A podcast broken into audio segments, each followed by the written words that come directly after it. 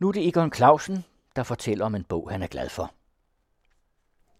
Her er en bog, som alle, der hører det her, de bør læse. Jeg synes også, at alle dem, der ikke hører det, skulle læse den. For det her, det er verdenshistorie, men uden krudt og kugler. Derimod handler det om elektricitet og magnetisme og nogle unge nørder og deres utrættelige eksperimenter og leg med teknik. Bogen handler om, hvordan det er gået til, at vi kan sidde her og snakke, og vores ord kan komme ud af højtalere og høretelefoner jorden rundt. I dag er det jo en selvfølge, men for bare 100 år siden var det faktisk utænkeligt. Og selv når man stod med en opfindelse, som for eksempel af højtaleren, ja, så var der ingen, der vidste, hvad man skulle stille op med den. Bogen hedder Buen og Gnisten, og den er skrevet af Lise Bock, der i mange år underviste i biologi på et gymnasium.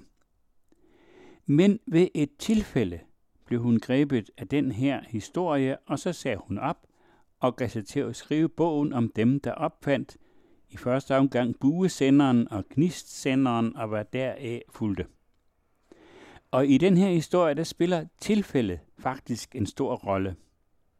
Om tilfældet skriver Lisa Bock, at tilfælde, som er anledning til opdagelser, omringer os i talløs mængde hver dag, men det er kun, når tilfældet møder den rette mand i det rette øjeblik, at en opdagelse får tilværelse. Det samme gælder åbenbart også hende selv. Hun fortæller, en dag i april 2012 kørte jeg en tur i Ballerup. Og nu citerer jeg. Den dag kom jeg tilfældigvis til at dreje bilen ned af Industriparken. For her lå engang en fabrik, som min farfar ejede. Det var radiokomponentfabrikken MEC, der er en forkortelse for Mekanisk Elektronisk Kompani.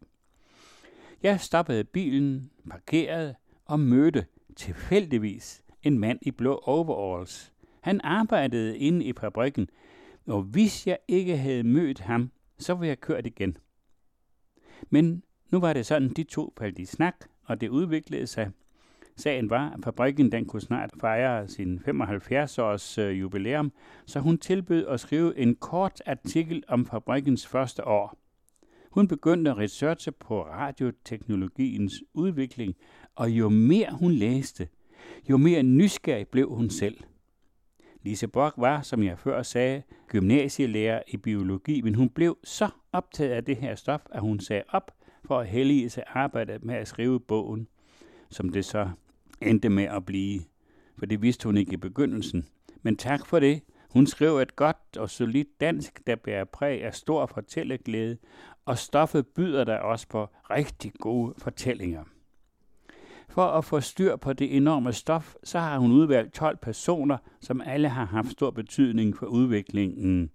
Det er blandt andet danskeren H.C. Ørsted, der opdagede elektromagnetismen så tidligt som i 1820. Og så er det tyskeren Heinrich Hertz, og vi, vi bruger jo stadigvæk udtryk for ham, vi har megahertz og den slags, for da han påviste eksistensen af radiobølger.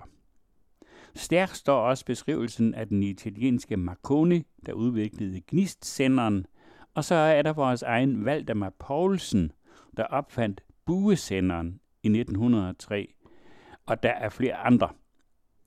Og for dem alle sammen galt det, at der også skulle penge til. Og der var faktisk finansmænd, som var villige til at understøtte opfinderne. Valdemar Poulsen blev således støttet af en mand ved navn Søren Lemvig få, og ham kommer vi til at høre mere til. Men fordi det her det er en fortælling med mange detaljer og tekniske forklaringer, og det klarer hun rigtig fint. Hun fortæller om telegrafi, og hun fortæller om Titanics forlis, hvor mange blev reddet takket være, at der var en gnist eller en telegrafist ombord, der kunne sende nødsignaler. Og hun fortæller om Første Verdenskrig, hvor de britiske krigsskibe brugte Marconis gnistsender, men på de tyske krigsskibe anvendte man øh, buesenderen, den danske. Og det er jo altså også verdenshistorie. Men jeg vil lige her øh, også fortælle en detalje om en, der hed Peter Jensen. Ham har jeg faktisk aldrig nogensinde hørt om før. Han kom fra en fattig los- og fiskerfamilie ned i Hesnes på Falster. Han var en meget, meget kvik fyr. Han ville gerne væk fra de fattige kår. Og nu var det så heldigt, at der netop havde været en velhævende familie fra København, som havde tilbragt en sommer som pensionær i forældrenes hus. Og Peters mor skrev der et brev til manden i denne familie og spurgte, om han ikke godt ville hjælpe hendes dreng. Det ville manden godt, og det viste sig tilfældigvis, at denne velhævende mand var den selv samme Søren Lemvig få, der understøttede Valdemar Poulsen i hans arbejde med at udvikle buesenderen og anden form for teknologi. Peter Jensen, en stor dreng, blev inviteret til København, hvor han fik arbejde som mekanikerlærling på Valdemar Poulsens værksted, og der avancerede han hurtigt, og han endte med at blive elektroingeniør. Og det er i sig selv en flot historie. Men Peter Jensen havde lyst til eventyr, så han udvandrede til Kalifornien, hvor han fik en god ven ved navn Pritham, der også var interesseret i radioteknologi, og de to skaffede penge hos nogle amerikanske rige mænd, så de kunne eksperimentere på livet løs, og ved et tilfælde opfandt de højtaleren. Det var i 1915, og det skete, mens de arbejdede med at forbedre telefonsystemet. De fandt ud af, at de kunne forstærke stemmen hos modtageren, så man kunne høre den uden at skulle holde røret tæt til øret, og de kaldte deres opfindelse for en Magnavox eller en højtaler. Nu var det sådan, at de havde lejet et hus i en landsby, og for at finde ud af, hvor langt væk man kunne høre afsenderens stemme, så satte de højtaler op på skorstenen og lod den pege ud mod det åbne land. Og Jensen han fortalte i en bog, som han senere skrev, jeg stod udenfor og lyttede, mens min ven talte i mikrofonen inde fra huset. Min vens stemme lød ud til os som en røst, der ikke var af denne verden. Hvis jeg havde lukket øjnene, så ville jeg let have kunne forestille mig, at en gigant, et overnaturligt væsen, råbte op gennem skorstenen. Et øjeblik senere så spurtede Peter afsted ud over marken for at finde ud af, hvor langt væk stemmen kunne høres. En kilometer, to kilometer. Stadig kunne han høre vendens stemme.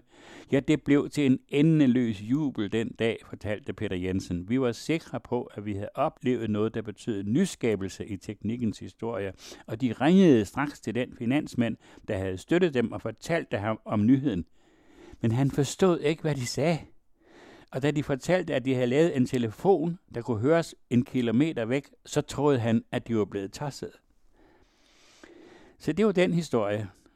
Som sagt, så vidste ingen, hvad den opfindelse kunne bruges til. Det kom faktisk til at gå flere år, før man fandt ud af, hvad man egentlig kunne bruge den her højtaler til. Og det må man så sige, at det var blevet en succes.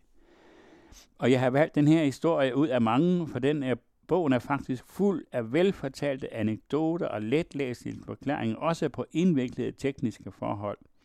Og selvom der er mange detaljer, så glipper det store overblik aldrig. Så jeg synes, det er en dejlig bog. Jeg blev både klogere og gladere ved at læse den, så det synes jeg også, at I alle I andre også skulle gøre. Så der vil jeg sige, jeg vil ønske alle rigtig god læselyst.